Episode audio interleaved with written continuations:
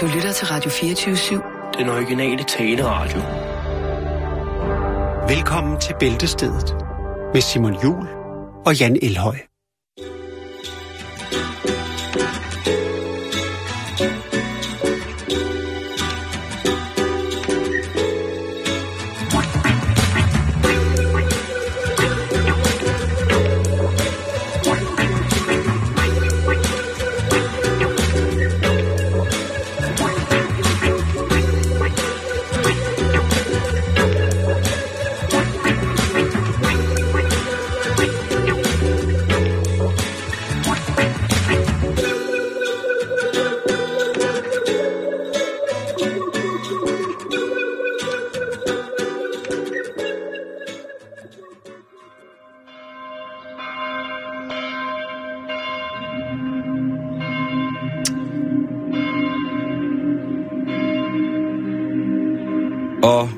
Salamisten skriver, Herren sagde til min herre, Sæt dig på min højre hånd, indtil jeg får lagt dine fjender som en skammel for dine fødder. Dit magtfulde sektor rækker Herren fra Sion. Hersk midt blandt dine fjender. Dit folk møder dig villigt frem på din kampdag. På hellige bjerge har jeg født dig. Forstår du det? Jeg har født dig. Som lægger man et æg. Som duk af morgenrødens moders skød. Herren har svoret og angre det ikke. Du er præst for evigt på Melchizedeks vis. Og ligeledes skriver John i et brev til korianderne. Og herren delte da lige dele flade og gratis SIM-kort ud. Med fri data og fire timers taletid. Apostlen Mogens skriver i sit første brev til korianderne om et møde med en fattig mand på flugt fra farisæerne. Manden talte sagte. Han så forkommen ud og var blot iført en enkelt sandal. Apostlen Mogens talte da til manden.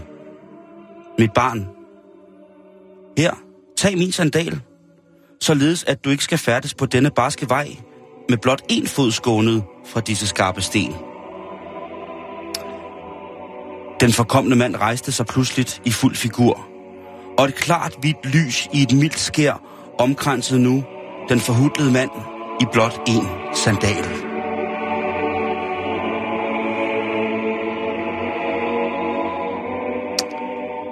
Mogens kastede sig på jorden, da han med det samme vidste, at der var tale om en engel i strålende klæder.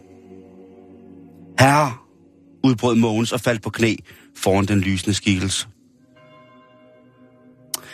Det var englen Bruno, der havde taget menneskeform.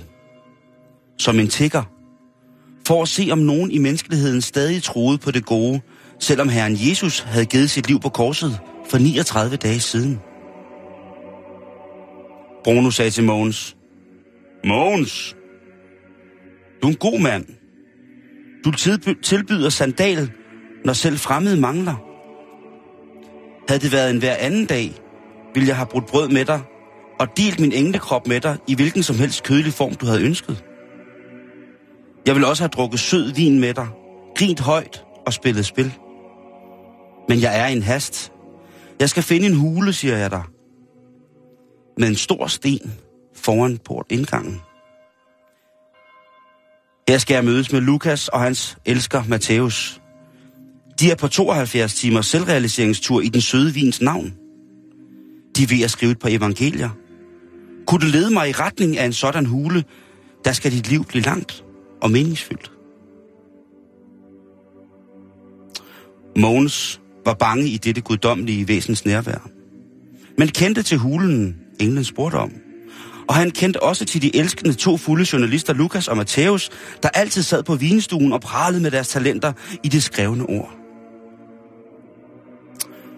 Mogens ledte englen til vinstuen, hvor Lukas og Matthæus ganske rigtigt sad iført klæder i fin silke og nydelige parrykker. Rom og skuld på fingrene og unge drenge i hobetal. Da de kom ind på vinstuen, og Bruno fik syn for de to elskende, Matthæus og Lukas, forkyndte han til Mogens. Mogens, barn af Kirsten og Lars. Gå med vidshed om, at lykken vil finde dig og tilsmile dig. I faderen og sønnen og heligåndens navn. Amen. Bruno vendte sig da imod de to fulde evangelister og sagde, Brødre, er der plads til en plager? Amen. Mogens forlod da opløftet vinstuen, beriget med englens ord og herrens velsignelse. Dog ville det, at i mørket foran vinstuen blev han ramt af en oksekære, og dette, ud, dette uheld medførte et mega kompliceret brud på hans hofte. Brudet blev inficeret, og Mogens led i to lange uger, inden han døde af bulverne koldbrand i hoften og flere ukendte bylleinfektioner. Alene, forladt, snavset og med blot én sandal.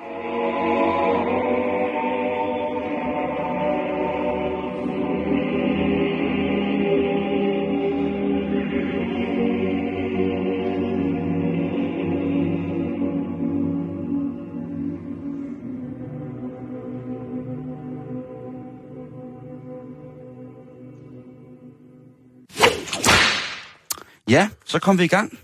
Ja. Vi skal en tur til Brasilien, og jeg synes, det er lang tid siden, vi har været i, øh, forbi Brasil. Men det fortjener landet jo også, fordi at øh, jo på trods af, at landet på mange punkter er en humanitær katastrofe, så har de jo valgt at afholde øh, OL Ja, det kunne de lige gøre. i Rio.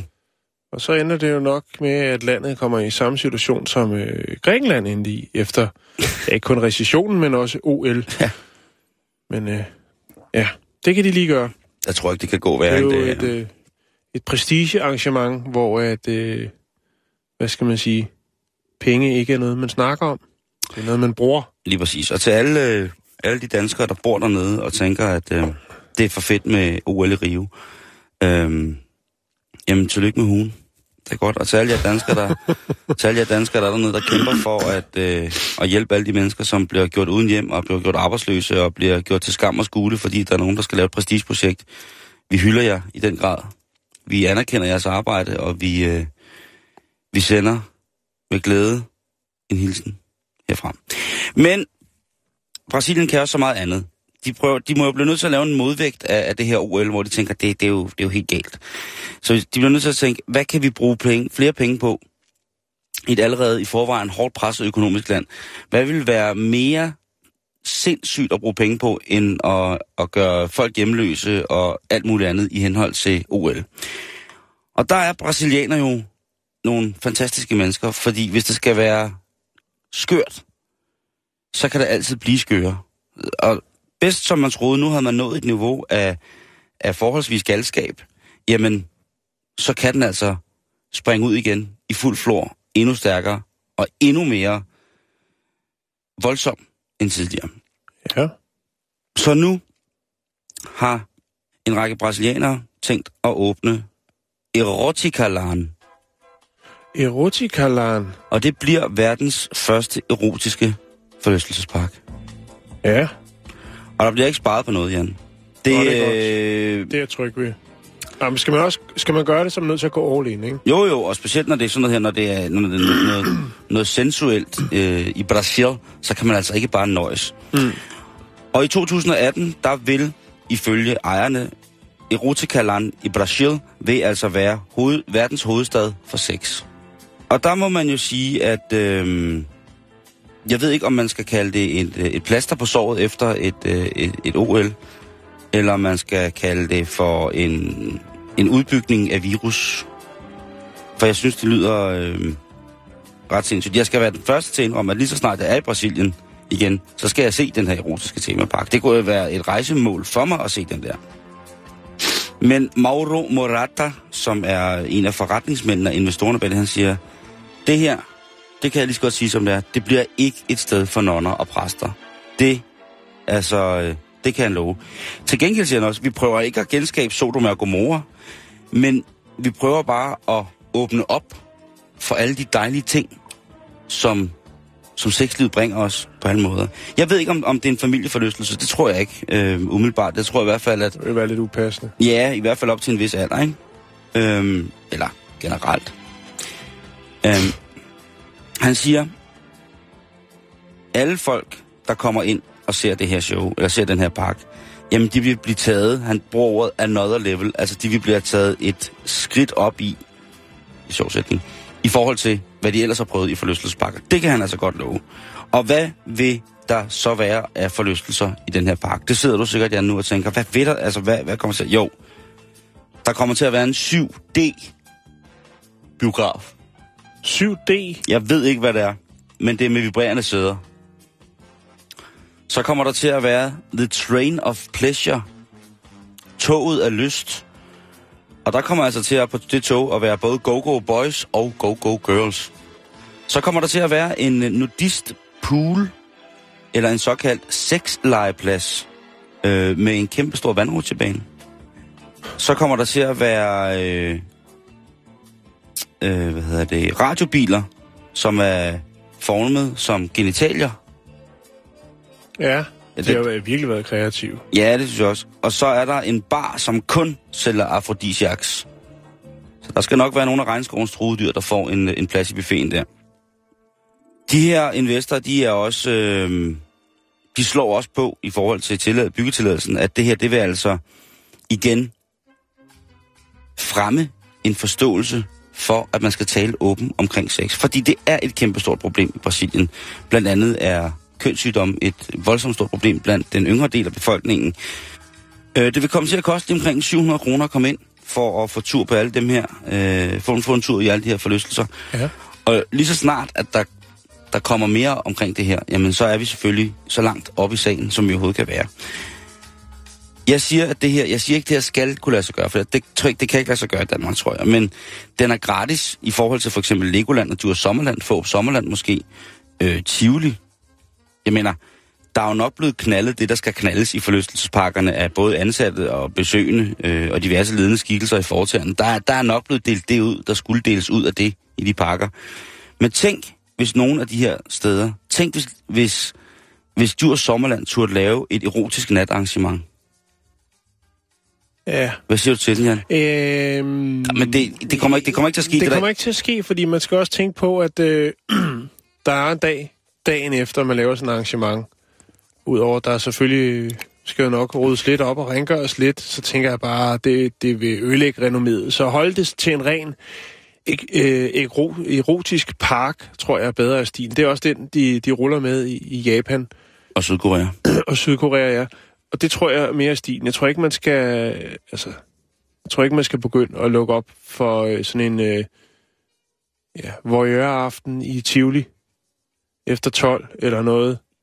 Se mig i ballongyngen. Der er en anden park øh, tæt på, hvor øh, i hvert fald, hvis man er til det, kan... kan ja. Jeg tænker bare, det kunne være... øh, Jeg vil altså sindssygt gerne rende rundt nøgen ind i Tivoli. Bongbongland. Igen, Jans patentkontor åbner op. Jeg tror, hvis man er ved at... hvi- Hvis det ikke går så... Nu tror jeg, at Bongbongland går rigtig godt. Men ja, Bongbongland kunne da sagtens... Altså et slikkeland. Jeg synes da sagtens, at de kunne på et eller andet tidspunkt... Måske bare et par forlystelser. Jeg ved ikke, om det hedder øh, hundeprutten og voksenblæen, og hvad det alt sammen er blevet til. De der slik, de har dernede. Det hører man ikke så meget mere om, at det var jo kæmpestort dengang, det, det kom frem, det her. Åh. Og øh, ham der, han købte den der gamle slikfabrik der, og så øh, lukkede op for de sjove navne, og så eksploderede det. Øhm, men jeg tænker en forlystelse, der hedder Slikkehans. Den kunne være god. Har I hørt om Slikkehans? Ja. Gode gamle slikkehans. Ja, Suttemor er også altid kærkommet navn. der, der er masser i det. Bolcherkogeren. Jamen, der er mange gode ting. Bolchekogeren, det lyder som noget satur. Ja, det kunne også bare være en... Det kunne også være en hyggelig... Suttetræet. Det, Suttetræet, den, er, den er jo... Øh, den er jo... Den er selv, den er selv sagt, men, men godt tænkt også der. Ja. Nå, men det mener han altså, det, det, det bliver et tilløbsstykke, men det, der, der er jo noget om det, ikke? Når der er mange mennesker, der samles til en eller anden øh, begivenhed. Hvad laver du? Du gør lige sådan der med mikrofonen. Det er godt. Sådan der. Øh, så er der jo øh, et behov. Der var det jo omkring, øh, var det COP15 eller noget, hvor at øh, bordellerne jo også havde øh, kronet dage, jo, fordi alle de her sikkerhedsfolk også øh, skulle have taget trykket jo. Jeg tror Øh, ikke kun sikkerhedsfolkene, vel? Ej, men det var det, det var det, den historie, der var på det tidspunkt, var at handle omkring. Det har selvfølgelig også været andre, men... Øh, Altså, jeg tror, altså, den der bordelindustri, der er i Bruxelles, den tror jeg ikke kun er sikkerhedsvagterne, som... Øh... nej, nej, nej, det siger jeg heller ikke, men jeg tror, det, det er historien fra, da der var øh, det der COP, hvad det nu hed, i hvad årstal det var, i, i, i København. Mm. Der var der nemlig en historie omkring, at øh, der var travlt. Øh, de var simpelthen underbemandet, Simon, fordi der var simpelthen så mange liderlige sikkerhedsmænd, der skulle ned og prøve... Og Øh, har den dejlige danske dam. Ja, eller mm. Mm. hvor de nu kommer fra. Ja. Nå, ja, det er en anden historie. Men, øh, men vi holder øje med det lige så snart, at vi kan bringe øh, ferienyt. Jamen, så ved jeg Ja. ja. lige præcis, Eller kan at linke til nogle 360-graders øh, videoer. lige så snart der kommer noget, Jan, så skal jeg nok være den første til at se, om jeg kan arrangere en, en grupperejse til, øh, til Erotica-land i Brasil. Eller 480 graders. Oh.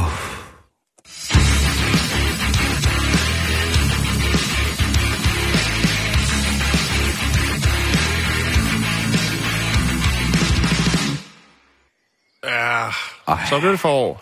Så blev det sgu for. Godt så. Nå, vi skal kigge lidt, hvad ugebladene har at byde på. Gå ud fra det, det vi starter med. Jeg fik lige et stykke kage i går, jeg skal lige åbne her. Var det et stort stykke kage? jeg fik med et stort stykke kage mand. Jeg sidder her med hjemmet, Simon. Jeg vil godt Yes. have lov til at starte. Fyr, Øh. fyr væk, bruder, fyr væk. Der er et, øh, ja, der er selvfølgelig et omslag, det skal der være.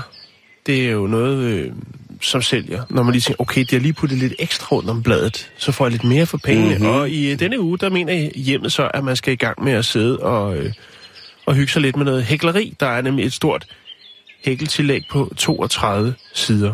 Jeg har hørt, det skulle være ligesom heroin og hækle. Ja, Altså, at hvis man første først... gang er gratis, eller? Ja, og så når du så går i gang, ikke, så... så stopper det aldrig. Ja. Så øh, man ser forsiden, så er der øh, tid til at fylde krukkerne. øh, Spike kan selv nu. Det er Spike, som er servicehund. Nå, jeg troede, det var Spike fra Degrassi Junior High, som blev gravid. Junior High. Oh, er det, det er en vild reference. Jamen, jeg ved, der er mange, der kan huske. Med Joe så er Jeremiah. der... Øh, så er der skrevet til Vibeke, jeg lever som fange i mit ægteskab, og Kjeld fangede mig i anden klasse. Det er en stor, fantastisk øh, artikel om Kjeld og Hilda. Ja, han var tidligt ude. Nå, når vi kigger ind i bladet, så er der det, der hedder øh, tips og idéer til dig og dit hjem. Mm. Og øh, det er Betty Clausen, der ruller op for den tunge sandhed omkring, hvordan øh, man Altså et får det hele til at gå op i en højere enhed, øh, når det kommer til ens selv og til ens hjem. Øh, og der er øh, blandt andet et modetip, der hedder Pep op med metal. Og det er så ikke øh, musikstilen, Nå, jeg men troede lige, fordi nej, så havde sølv er ikke kun til smykker, bælte, taske og sko. I metal look er, øh, hun siger, det hun siger, ja, hun siger simpelthen bare, at øh, man kan godt gå videre end bare at, at, at, at gå med sølvsmykker. Altså fyre op for bælter, tasker og sko i, i metallooket. Men det er også rimelig metal. Altså, sølv er... Altså, guld, guld er for tosser, og sølv det er for mennesker. Ja, Øh, det ved jeg ikke, men der er jo nogle... Øh, jo, det, er- altså, en tung sølvkæde med en torshammer i, den kunne klæde dig. Den klæder alle. Jeg vil have det meget ambi- ambivalent med at have den på, men hvis du siger det, vil jeg da godt prøve... Altså, jeg har heller ikke nogen... Øh, jeg har ikke nogen fede øh, fingerringer. Det har jeg heller ikke haft. Ikke engang da jeg var gift, gik jeg med ring. Jeg synes simpelthen, øh, det føles mærkeligt. Ja, så skal man da være. Øh, men det, man sender selvfølgelig betyder- et øh, altså- signalement til omverdenen om, at øh, vi er bort. Jeg får. Den har en signalværdi, siger Ja, det kan du sige. Det kan du sige. Nå, nu skal du høre. Så er der kort tal lejligheder. F- øh, enværelses, toværelses, treværelses, fireværelses. Det er selvfølgelig... Jeg går videre i bladet. Der er ikke så meget i her. Er, der, er, den lidt, er den lidt spinkel i dag? der er en krimi, eller det er noget, der Oh. hedder et segment, Oh, oh, oh, oh. øhm, som hedder fra politiets arkiver. Og det er så noget, hvor man finder noget gammeldags frem. Og det er øh, Carsten Nødskov, som, som øh, hiver det frem. Og øh, denne gang, der er det fra politiets arkiver i Australien i Brisbane, tilbage øh, 21. oktober 1989. Overskriften, den fangede mig, øh, mest også fordi jeg ved, at den vil fange dig. Øh, den lesbiske vampyrdræber. Og øh, den handler altså Det er om måske- Tracy Wigginton, Det som, er altså øh, ikke tirsdag i dag. som havde drukket champagne hele aften på en natklub for kvinder. Pludselig fik hun øh, syge lyster. Hun ville være Dracula og drikke et menneskes blod. Det er ikke sygt. Dog ville hun ikke bide sit offer normalt. i Det er halsen. helt normalt. Hun havde en anden blodig metode. Åh, Ja. åh. Det det, det er stærke sager. Den er ikke så lang, den fylder kun en af fire sider, og så er der selvfølgelig lidt øh, Dracula-billeder, og så er der selvfølgelig lidt af den... Den, Den øh, lesbiske vampyrdræber, jeg tror Ja. ikke, jeg har hørt noget, der... Altså, det er... det er en overskrift, der, der, der fænger øh, visse ører. Nå, så er der... Jeg har halvfed på. Så er der det, der hedder... Tak for info. Så er det, åh, disse minder. Og Nå, det er altså ja. et tilbageblik, hvor man kigger på, hvad hjemmet har bragt af historier tilbage i de gode gamle dage. Der er Blikkenslæren eller Bunde, øh, derfor i 1961. Det, jeg hæfter mig ved, det er ugens menu.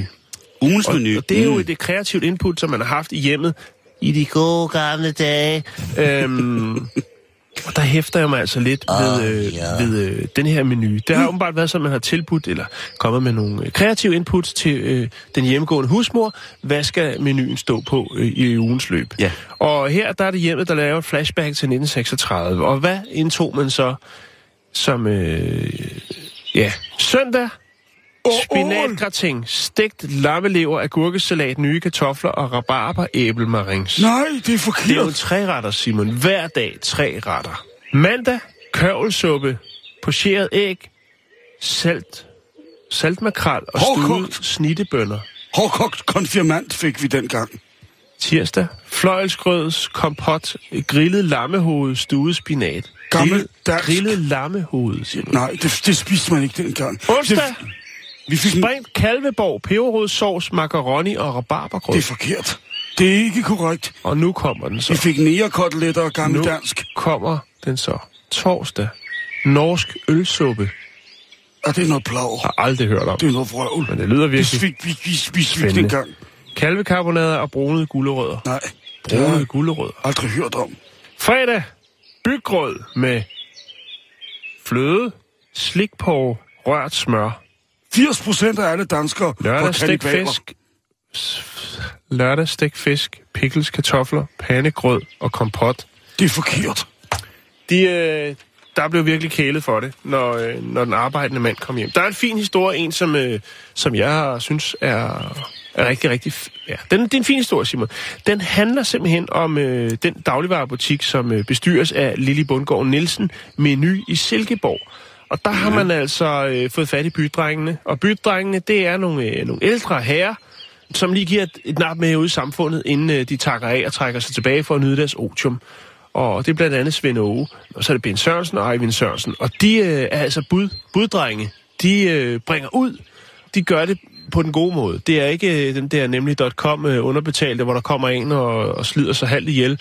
Øh, det er den gode gamle, hyggelige måde, hvor de, øh, de her ældre herrer tager ud og får en lille snak og hos de ældre mennesker, som der nu får øh, bragt varer ud, og så sætter de dem på plads og det hele. Det er ren hygge, Simon. Det lyder rigtig hyggeligt. Det øh, kunne man lære meget af i øh, det moderne samfund, øh, hvis det var. Ja. Ikke var så fokuseret på bundlinje, bundlinje, bundlinje. Så er der øh, Ha' det godt, og det er med Marianne Florman. Og hun skriver, øh, hun har lavet sådan en lille flashback. Husker du at holde pause? Husker Og- du at holde pause? Ja, husker du at holde pause? Det er, når man træner, og hun siger før, siden, før i tiden, når hun havde kursister, så når der var pause, så satte de sig ud i solen, øh, lukkede øjnene og slappede helt af. I dag er de dybt begravet i deres telefoner. Det er nemlig rigtigt. Det, Ja, men det er det stort set alle steder. Så er man også fri for at kigge på sine medmennesker, eller prøve at indgå en dialog, som måske kunne give lidt mere dybde. Nå, nu skal du høre her. Der er nemlig også noget i i det at have det godt med Marianne Florman, der hedder hold øje med dit tis. Det er noget, man skal gøre. Normalt tis er lysegult eller klart, men kan være mørkere om morgenen. Det er jo et kendt fænomen. Morgenurin, det er noget af det stærkeste, der findes. Mørkegul tis i løbet af dagen kan det være et tegn på, at du drikker for lidt vand. lige en slurk her. Ja, og, og hvis det ikke hjælper at drikke vand, øh, altså, så kan der være tale om en infektion, og så burde man søge en læge. Rødt tis kan skyldes, at du har spist mange rødbeder, brumbær, blåbær eller rabarber. Eller du er ved at Har dø. du ikke spist det, så kan der være blod i urinen, og så skal du søge læge. Ja. Så kommer der noget, der hedder grumset tis. Grumset tis. Ja. Den kender jeg ikke. Nej, det gør jeg heller ikke, men det, det kan være et tegn på, at du har blærebetændelse. Okay. Grumset tis. Jeg tænker lidt, at, at så ligner det sådan noget husblas, der... Nå, øhm, så er der skilt blåt eller orange tis. Er det sådan en skilt sovs? Ja, måske. Øh, Orange eller... grønt, blåt eller orange tis. Ja, der, der skal man nok gelé, vil jeg sige. Ja, Eller hvad har man der spist plejer der? at være guld for enden af regnbuen. Er det ikke det, man siger? Oh, jo. Så det er jo ikke noget dårligt tegn. Så er man enhjørning. Øh, det kan være et tegn på sygdom. Ja, no shit. No shit, Sherlock. Hvis man ja. står og pisser grønt. Eller også, kan, altså hvis det er orange, så kan det være, fordi du har spist rigtig mange guldrødder. Så skal du godt nok også øh, holde dig op. Så skal jeg, du altså jeg køre. er vild med, at, øh, at de har, har lesbisk vampyr og tis-info i øh, hjemmet i den her Jo uge. jo, men de, De er kommet, st- fordi de sidste fagner uge, bredt. sidste uge, der var det, undskyld mig hjemmet, der var, der var det fandme en tynd kop tis. Der er, der er eddermame kraft i, der Jo, er jo, kraft der er benene. kraft og saft. Der er kraft og, og, saft. og så er lige der den her, sådan, øh, den her højtid. Øh, så er det det med tis med sødlig lugt. Det kan være et tegn på højt blodsukker eller sukkersyge. Ja, det øh, den er sød. Så er der, lider du af jernmangel. øhm, ugens tip, og det synes jeg er fint, det er fra læser til læser, og det er Maria fra Ålstrup, som øh, kommer på det her input, og øh, det synes jeg er rigtig spændende.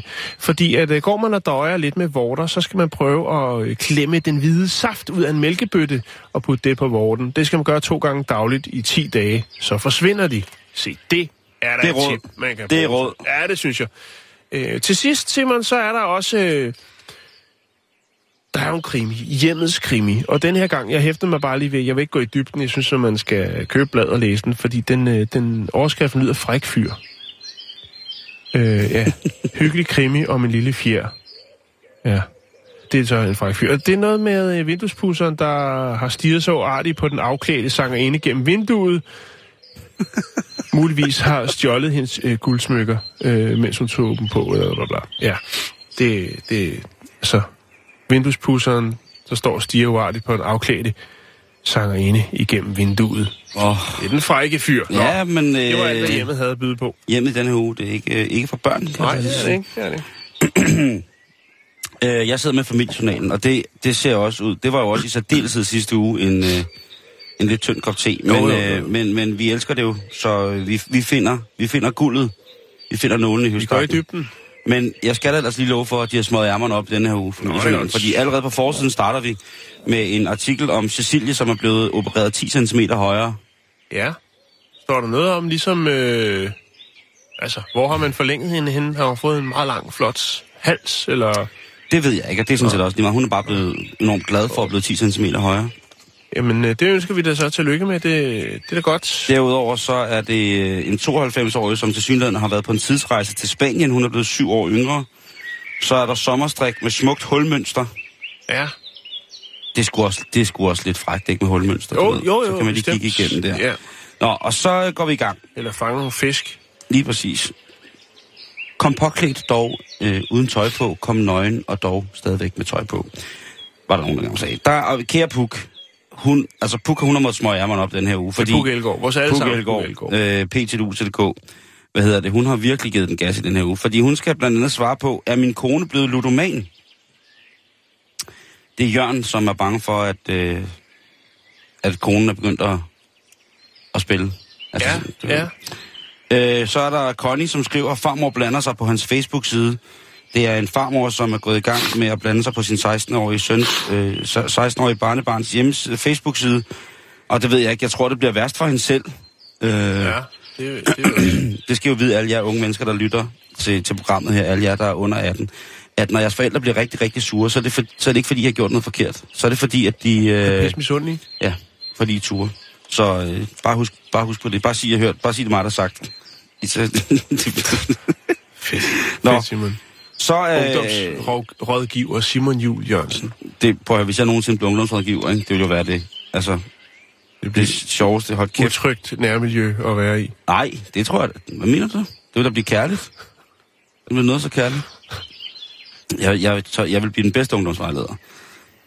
Øh, Kaja Plambæk, hun øh, går action på den øh, motherfucker i øh, sin artikel omkring øh, syrener.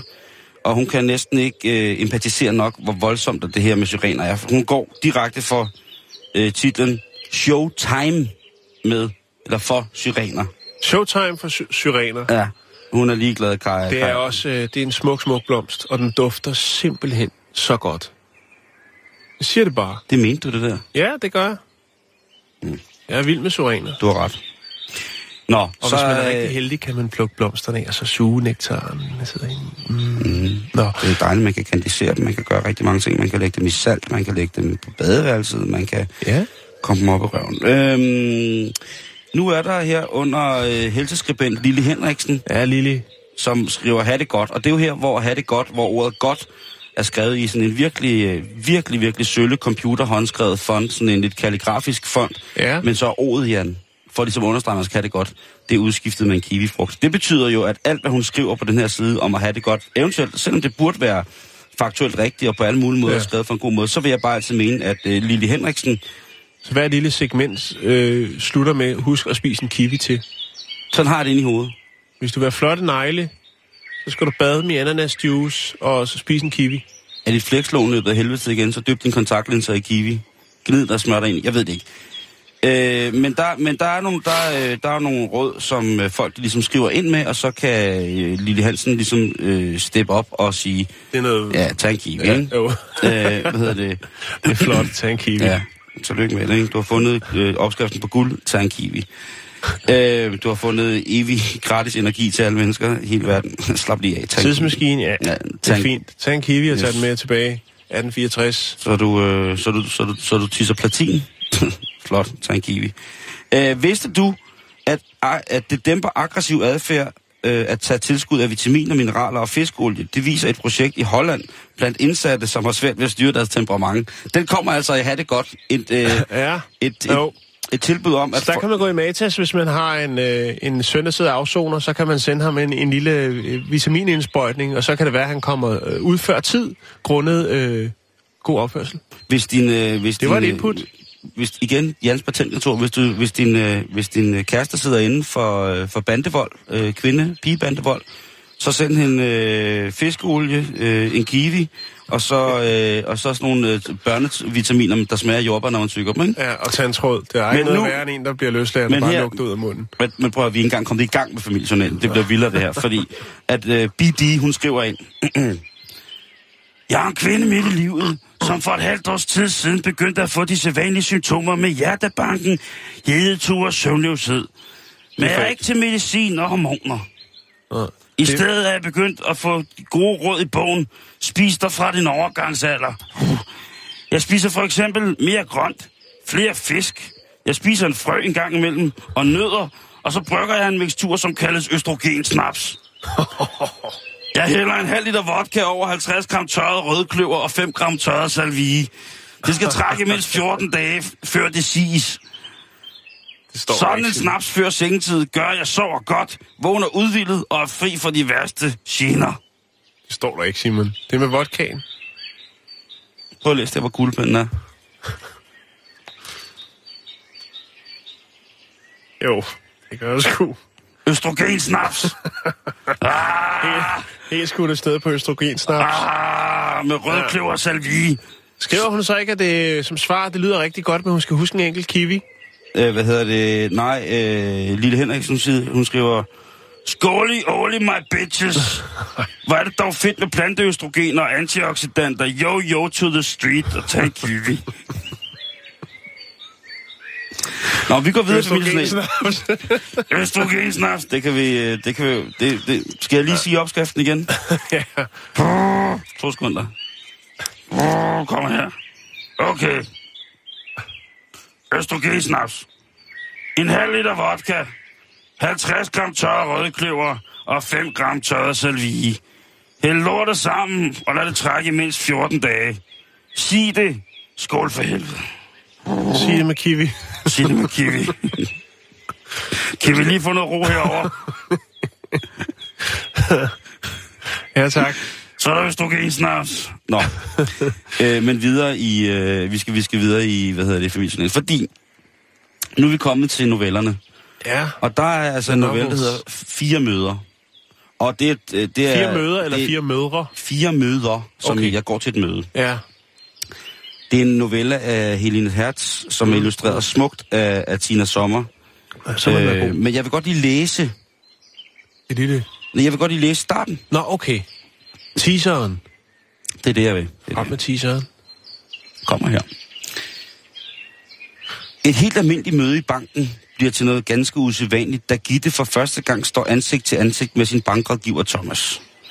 Til sin egen forvirring finder Gitte ham nemlig usædvanligt sympatisk, og det virker som om han gengælder følelsen. Jo, han er der for at tjene penge. Eller er det bare noget, hun bilder ind? Præcis! Det var lige det, jeg skulle til at sige. Jeg har skrevet her, jeg har skrevet afsløret. Prøv at, sådan er alle bankrådgivere. Ja, bare lige knappet. To Gitte. knapper ned i skjorten. Nu kommer Mm. Gitte pigen. Så må vi hellere skrue på. Der skal laves penge. Nu kommer fru Poulsen, hun er ja. 64 år og skal have lagt sit dårlige flekslov om. Jeg skal knippe hende lige om lidt med en fuldstændig sindssyg lån, lånfigur. Lånfigur. Så nu knapper jeg lige øh, skjorten op, døber mine fingre i mig ned og sild, og så tager jeg Old Spice på. Så dufter hun sådan, så dufter det lidt som, som er derhjemme, ikke? Så smører jeg hende lige, du ved, øh, på en god måde. Thomas. Ikke? Prøv at høre, Det lyder godt, Thomas. det er det første, man lærer på bankrådgiverskolen. Det er at smile og virke sympatisk, og som om man har empati for folk, der kommer ned i banken. Ja. Det ved vi jo. at Alle mennesker, der har en bankkonto, uanfægtet hvad, de ved jo godt, at det er løgn. Og jeg ved, der sidder mange bankrådgivere med og tænker, hvad fanden snakker de om? Indrøm det nu bare. Ja. I tager folks penge, og sådan er det. Og det ved vi også godt. Og vi er alle sammen glade for vores bankrådgiver, for det menageri, der sker, når man kommer ned i banken. Mm. Altså, og, og bankrådgiver er også gode mennesker. Det ved jeg. Det er mange år siden, jeg har snakket med bankrådgiver. Mm, men det er, engang, det, er, eller hun hedder. det er gode mennesker, men de går jo også på arbejde, ikke? Jo, jo, jo. Der skal laves penge. Det skal vi vel alle sammen.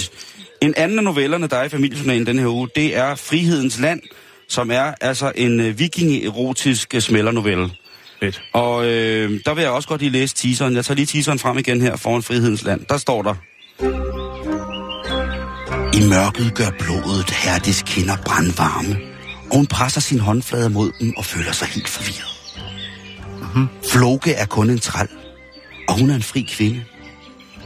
Han har risikeret livet ved at liste sig her ind i huset ved nattets side. Ja, Det er de seksuelle drifter, der gør det. Hvorfor har han gjort det? Og hvorfor har hun ikke selv råbt op? Altså et, øh, Hvad et hedder han? floke, Åh, oh, Floke. bådbyggeren for Vikings, ikke? Altså som øh, et, et, det er afsnit 3 ud af 6. Altså, Ja. de, har, de har set, hvad, hvad serien Vikings har, har medfødt. Ja, så tænker jeg, den... Game of øh, Thrones, vi blander lige det vi hele. Om, vi omskriver lige den her, sådan, øh, Yes, præcis. Og øh, det var spændende. Så kommer vi til læsernes egen råd. Åh, det er spændende. Ja. det er det altså ikke. Øh, så kommer vi til læsernes egen råd. Det er en sjov hilsen. Det er CMH fra Vesteråby, som skriver. Huha! Jeg sender mange breve til familie og venner, og for at gøre det ekstra sjovt at modtage et brev, klipper jeg vittigheder ud af gamle ugeblade og limer dem på kuverten. Det gør lykke hos modtageren. Ja. Kan du, øh, den kan du tage med i banken, Jan. Det er igen Ja. patentkontoret. Jo, det, det er godt tænkt. Øhm, jeg så vil er hellere lave en collage. Du er også sådan et kreativt overskudsmenneske, som ingen mage kender. Prøv Altså, hvis så- man, nu, øh, hvis man nu tog for eksempel øh, et billede af Remy, og så skrev Kjeld fanget mig i anden klasse, altså to, øh, så har vi pludselig en historie, ikke? Eller Brownie med fudge.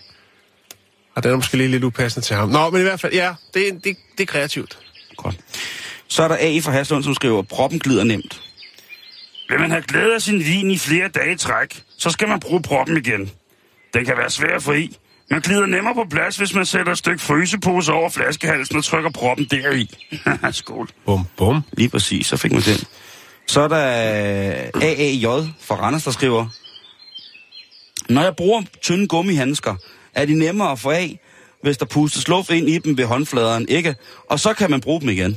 Ja, det skal man altid gøre. Det kan sagtens bruges flere gange. Ja, det kommer an på lige, hvad man bruger dem til, men, men, men ja, for så, for, for så vidt muligt. Så er der... Øhm, Natur. ja, så er der natur med, hvad hedder det, dyrlæge Lennart Svane. Det er jo, Det er et sejt navn. ja, Nej, det synes jeg. dyrlæge Lennart Svane. Den er sgu god nok. Du. Han ser også pissegravet. Han skriver her. Det er LM for Hurup, som skriver, vi har en langhåret minigravhund, som, ikke kan, som vi ikke kan få lade være med til at slikke vores gulvtæpper. Mangler den vitaminer, eller hvad? Den elsker at slikke de gulvtæpper. Hold da op. Gravhund med dårlig vane. Vi har en langhård minigravhund, som vi ikke kan få til at lade være med at gå og slikke vores gulvtæpper. Mangler den vitaminer eller lignende? Og der øh, er altså Lennart ude. Øh, og siger, Kig på side 12, der står noget om kiwi. Han skal have kiwi. Kiwi juice. så, øh, Lennart han skriver, I dag indeholder hundefoder alt, hvad en hund har brug for. Hvis I køber af de anerkendte mærker. Åh ja, jeg ved, om du betaler ham. Derfor er det nok snart tale om en dårlig vane, som har sat sig fast. Ja. Vi har selv haft en labrador, som slikkede gulvtæppet. Men hvis jeg, hvis jeg hævede stemmen, stoppede den. Der var dog altid, øh, det var dog altid noget. Men den slags uvaner er desværre øh, svære at ændre. Så har man en hund eller en kat, der sutter tæppet, så er det altså bare en dårlig vane. Det kan også være måske, at man øh, har sure tær og træder på tæppet, og det synes den egentlig er meget lækkert. Det kan også være, at øh, man form op øh, stoppe øh, om søv, i søvn en, en, en, gang mellem natten og pisser på sit gulvtæppe. Det er der jo mange mennesker, der gør. Øh, det har jeg ikke hørt om, men hvis du siger det, så er det sikkert rigtigt. Åh, jeg ved, du øh, Jeg er, en, øh, kommer en del rundt. er kondisør ude i folk, der ikke ved, hvad de gør, når de sover. Nå, så slutter vi af her med fra læser til læser. Og det er Inge Dam, øh, eller Dame, det ved jeg ikke. Men øh, hun skriver, på Vorbasse Marked købte jeg garn af en krammer fra Lemvig. Garnet hedder pingpong og er fra Jarpo Garn i Sverige. Ligger du inde med noget, du ikke bruger, så er jeg meget interesseret. Det er altså Inge Dame, som søger pingponggarn. Damn! Ja. Hun skal have pingponggarn mm. fra Sverige. Så er der et billetmærke her fra Frederiksværk, som skriver, Mit ønske er at finde en rar og kærlig mand. En at tale med og hygge med. Gå ture til skov og strand. En god middag. Eventuelt på skift. Og hvad vi ellers kan, kan finde på. Er du ryger? Er du 65-73 år? Håber at høre fra dig. Ønsker brevveksling først. Og der tror jeg simpelthen, man mener altså håndskrevne breve. Ja. Der er så fandme heller ikke noget mere kærlighedsagt, end at få et håndskrevet brev. Det må jeg sige. Jeg er fuldstændig enig. Mm. Øh, Øh, håndskrevet sms. så her, det er billetmærke fra Søndersø, der skriver, Jeg søger et stramajbillede af klokketårnet i Forborg, med eller uden ramme. Det må gerne være påbegyndt. Jeg betaler gerne porto. Så hvis du altså ligger inde, hvis du er gået i gang med et stramaj-motiv af klokketårnet i Forborg, og... Og se, ej, det kan jeg Det simpelthen er ikke overskue. med noget lort, det her. Sådan har klokketårnet aldrig set ud i Færborg. Åh, hvem satte man da også i gang med det? Så frygt ej, fordi der er altså billetmærk 649 fra Søndersø, som gerne vil afslutte dit øh, stramaj klokketårn. Så er der billetmærk 56 fra Ballerup. Det er, jeg er en frisk kvinde på 58, som søger venner, skråstrej veninder at skrive og ringe sammen med. Jeg er stor Candice-fan, elsker musik. De to ting hænger jo så ikke sammen. En god middag, bio, børn, dyr, gode oplevelser, ude som hjemme. Jeg er ikke ryger. God oplevelse. Der er aldrig nogen, der skriver dårligt. Nej, det, jo, der er en her. Det er Birgit fra Jørgen. Hej! Ja, nej, nu siger jeg ikke. Jeg søger en forfærdelig oplevelse. Hej, jeg Birgit. Gerne noget med fiskeolie og kiwi. Ja, jeg søger nu en, en, en perlerække af forfærdelige oplevelser i mit lille hjem på Aalborgvej. Jeg er vild med, jeg er vild med satan og trafikuheld. Jeg ser kun Street Fights på YouTube. Og alarm 112. Og Alarm 112. Kåre Sand er mit mandeidol. Skriv til mig. Nej, det passer ikke. Vi slutter lige af her med Annelise Nygaard Pedersen, som altså efterlyser gamle mønstre til bilpuder. Og bilpuder, det er noget af det vildeste. Yes, og øh, hvad hedder, Annelise. Annelise, hun er til synligheden mekaniker, fordi hun har en gammel veteranbil. Er der lo- nogen, der ligger... Og så, men så er det ikke det, det er ikke kun det, hun søger. Hun søger også den her. Er der nogen, der ligger inde med bogen Vinterkrigen fra 78 til 79 på Lolland Falster? Vil jeg gerne købe den, da jeg har mistet min. Ja, men man skal aldrig låne noget ud, man ikke kan undvære. Jeg siger det bare. Hun efterlyser mønstre til, til bilpuder, og så bogen Vinterkrigen 78-79 på Lolland Falster. Ja. Det er Annelise. Jeg håber, du finder den. Og, øh, Jeg, det jeg var... synes, hun skulle spørge øh, John. John ser alt, hvor den bog, den er blevet af. Når man sidder inde i stedet med Nå, dårlig ja, samvittighed. ja, ja. Og John er jo Ja. på tur. John er på tur. Husk at tjekke for øh, John Brød fra hjemmet. Han er altså på, på tur med foredrag, og det, øh, det vil jeg da i øh, al alvorlighed øh, i den grad øh, anbefale at tage ud til. Han er et fantastisk menneske. Hey Jan, hvis jeg siger tjuk, hvad siger du så? Så siger jeg dong, dong, dong.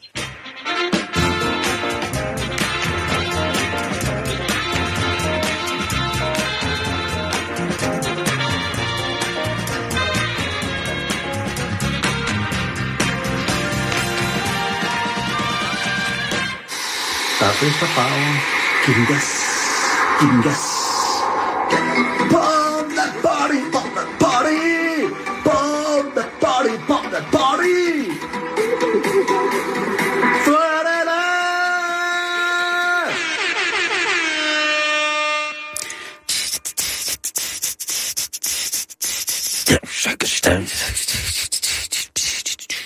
Hvad, hvad sker der?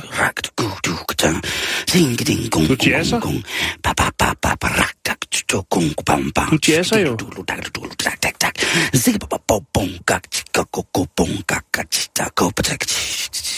Hvad sker der, Jazz? Jasmine, hvad laver du?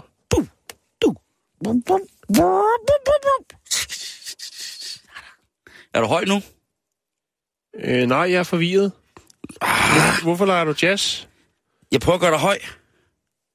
Jeg prøver øh, at få dig ud af din comfort zone i, ind til et inferno af, af dans og kropsudtryk. Det fungerer ikke rigtigt, Simon. Okay, hvad Så jeg ud fra, at øh, du har en historie. Ja, det er det, fordi Øh. der netop nu, En jazzhistorie. netop nu, så skal vi til at hylde en, en af programmets store helte, vil han så være fra i dag af. Ja. Han hedder Jens Skov Olsen, og han er øh, bassist. Og udover det, så har han netop lavet en, øh, en phd afhandling afleveret. En phd afhandling der handler om, hvorfor at man bliver høj på jazz. Hvad det er, Ja. der gør, at man ligesom bliver helt fuldstændig vild, når man hører øh, den dejlige jazzmusik. Og det må man sige er ret, en ret vildt Høj på jazz. Ja, øh, ja.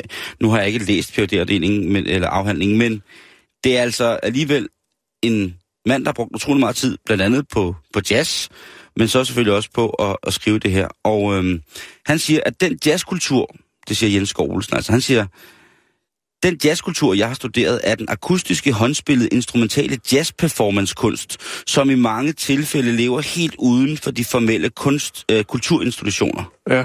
Wow. Jeg Så kan godt lide ordet håndspillet jazz.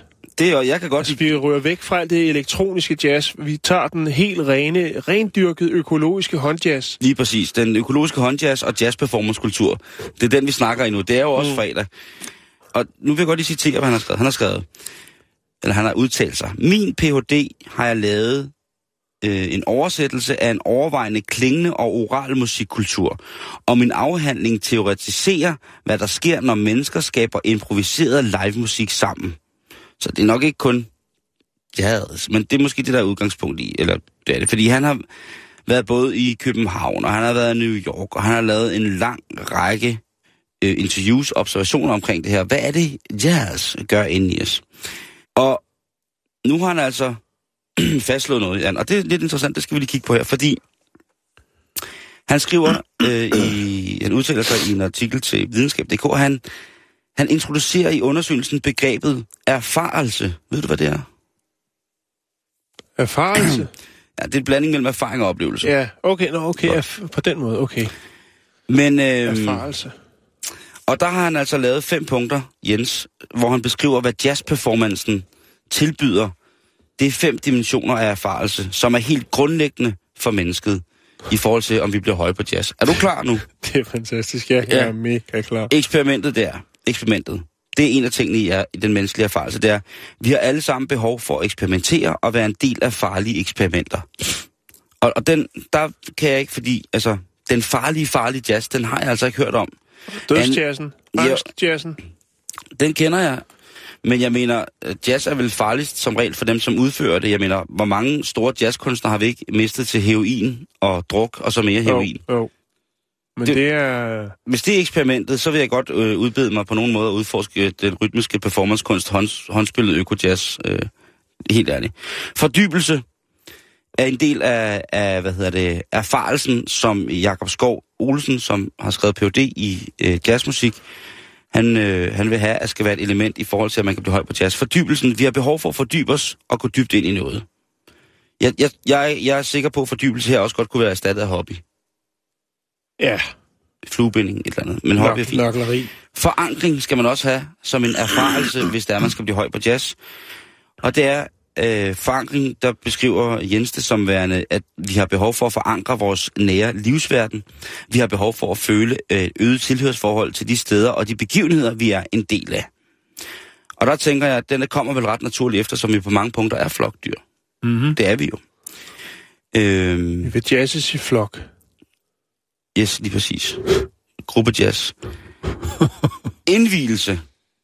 Der står han, vi har blivet brug, der skriver han, vi har brug for at blive indvidet og indvige andre i noget vigtigt. Altså her i jazzsammenhængen, gå ud på en jazzklub, meld dig ind i selve jazzklubben, mød, mød, med, mød med din mød. Okay, bong. Tag og- og mød med din, mødes med din... Mød min møde, min møde, møde. Nej. Så melder man sig ind i en jazzklub, så mødes man med nogle af sine jazzvenner. Med jazzsindet. Lige præcis. Og så hører man... så, oh, den kører langt nu. Hører, hører dejlig jazzmusik sammen med dem og sådan nogle Ja. Og det, det, det tænker jeg er... er, er Men det er vel ikke... Øh, ja, undskyld, jeg river... Øh, Nå, der står jo også, at man... Undskyld, nej, Det er vel ikke så anderledes end så meget andet. Jeg mener, øh, fællesskabsfølelsen ved at, at stå og være huligan og kaste kanonslag ned og stå og råbe øh, og kaste bajer rundt og alt muligt.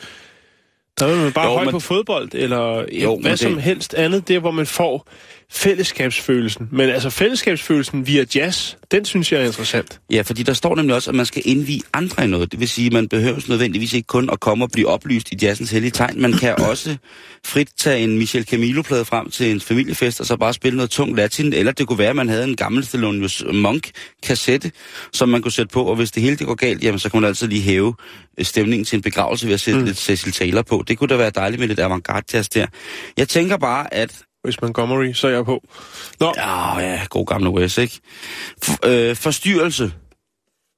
Ja. Ja. Der siger Jens omkring det her med, hvorfor vi vil med jazz. Vi har brug for at blive forstyrret, og at der også sker noget andet, end vi havde regnet med.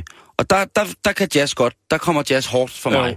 Fordi når man er på jazz overdrevet, impro jazz, ikke? når man er på jazz overdrevet, der er ikke noget som at blive overrasket af en af ens fars venner, som arbejder kopifirma, som så tilfældigvis også spiller tissemands jazz, og så kommer man ud til sådan en grillaften, og så har faren lige tænkt, prøv, I skal låne vores have, og derfor skal I straffes med mit femmands store, med min New Orleans kvartet. Ja, og ved du hvad, I skal ikke give en skid for det. Nej. Vi kommer bare, det er en Ja. overraskelse, og så bliver man jazzet. Og så bliver, så bliver du simpelthen, så bliver du, øh, altså, er du galt, så bliver du jazzet i stumper stykker, ikke? Altså mm. fire, øh, hvad hedder det, latente sukkersygepumper, der står der i røde og hvidstribede skjorter med stråhat på og spiller vaskebræt og, og trombone, ikke? Ved du hvad? Det er Nej, tak. jeg elsker det. Ja, jo, nej, nej. Altså, Men, men, alt med måde, som vi siger i programmet. jeg tror, at når man er derude, så, altså ude på jazzoverdrevet, så falder forståelsen for alt andet, alle andre former for balancefornemmelser i forhold til social øh, kapacitet og så videre, samfundsmæssige øh, relationer og sådan noget. Alt falder, når man bliver om, om altså, når man bliver indbefattet af, af, den, af den forfærdelige øh, jazz. Øh, jeg mener, så kører ens hverdag op i sådan noget Bitches Brew, og Django Reinhardt i visne hånd, den spiller lige pludselig magi, og Sun Ra forfører dig til andre galakser, og Coltrane han messer sindigt sammen med Count Basies legendariske himmelvæv. Der kan ske mange ting, hvis man øh, kommer i forstyrrelse, mm. så, så jeg, jeg er ikke sikker. Altså, jeg kan jo kun være enig med Jens, der har skrevet den her PhD. Først og fremmest, hvor er det sejt, du gider bruge tid på at finde ud af, hvorfor du, du tripper så hårdt på jazz. Ja, Øhm, altså jazzen helt ned til... men, men jeg må indrømme, jeg har det sådan med meget musik. Ja. Mest fordi jeg har det der med, at der, der er kun... For mig er der kun god og dårlig musik. Hvis jeg hører et fantastisk... Altså første gang jeg hørte for eksempel Cecil Taylor, som er det her øh, avantgarde pianistiske menneske, som på mange måder... Jeg ved faktisk ikke, om han stadig er her blandt os på jorden, men lavede sit eget notationssystem, altså sit eget nodesystem, og spillede helt mærkeligt og sådan nogle ting. Og sager. Så i starten, da jeg hørte det, tænkte jeg, det var da godt nok mærkeligt, men hvis jeg så sætter mig ned og for eksempel hører den danske fantastiske pianist øh, Jakob Anderskov eller August Rosenbaum øh, spille jazzmusik, så bliver jeg sådan helt varm inde i kroppen, fordi jeg kan høre, at jamen, for Anderskovs vedkommende for eksempel, er der en stor tilknytning til øh, den, den voldsomme øh, hvad hedder det, avantgarde jazz. Og for August er der måske noget andet, August øh, Rosenbaum, det her enorme jazz-talent på, på tangenter, er der jo noget, noget andet, som for eksempel er en indflydelse fra, fra den popkultur, som, som omgiver ham, ikke? Øhm, og så er der sådan de her gamle jazz Palle Mikkelborg for eksempel. Manden, han er jo snart 75, ikke? Han spiller jo stadig fuldstændig fantastisk. Hvis man spørger om, om, om danske jazzmusikere, for eksempel det eh, hårde jazzmiljø i New York, som jeg er færdig i hver dag, nej, men som jeg kender nogen, der er en del af, jamen så vil man tænke, måske vil de fremhæve... jazzmiljøet. Måske vil de fremhæve Nils Henning Ørsted Pedersen, fordi han jo i så, så mange år øh, Ja, har spillet sammen med... Rasmussen. Hvad siger du? Og ham Rasmussen, som jeg heller ikke har blandt os mere. Også øh, bassist. Jeg kan ikke huske, hvad han hedder. Øh, Hugo Rasmussen? Ja, Ja, for fanden, ikke? jo jo. jo.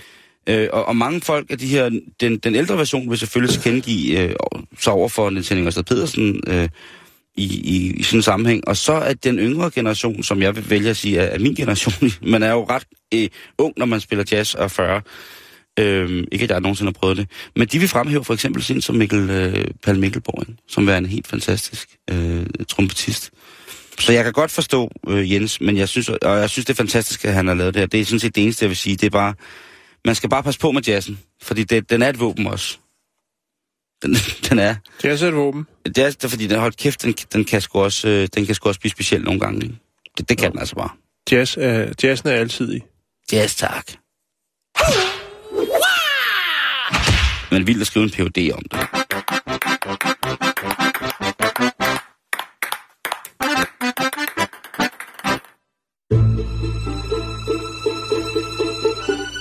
Du lytter til Radio 24 /7. Om lidt er der nyheder.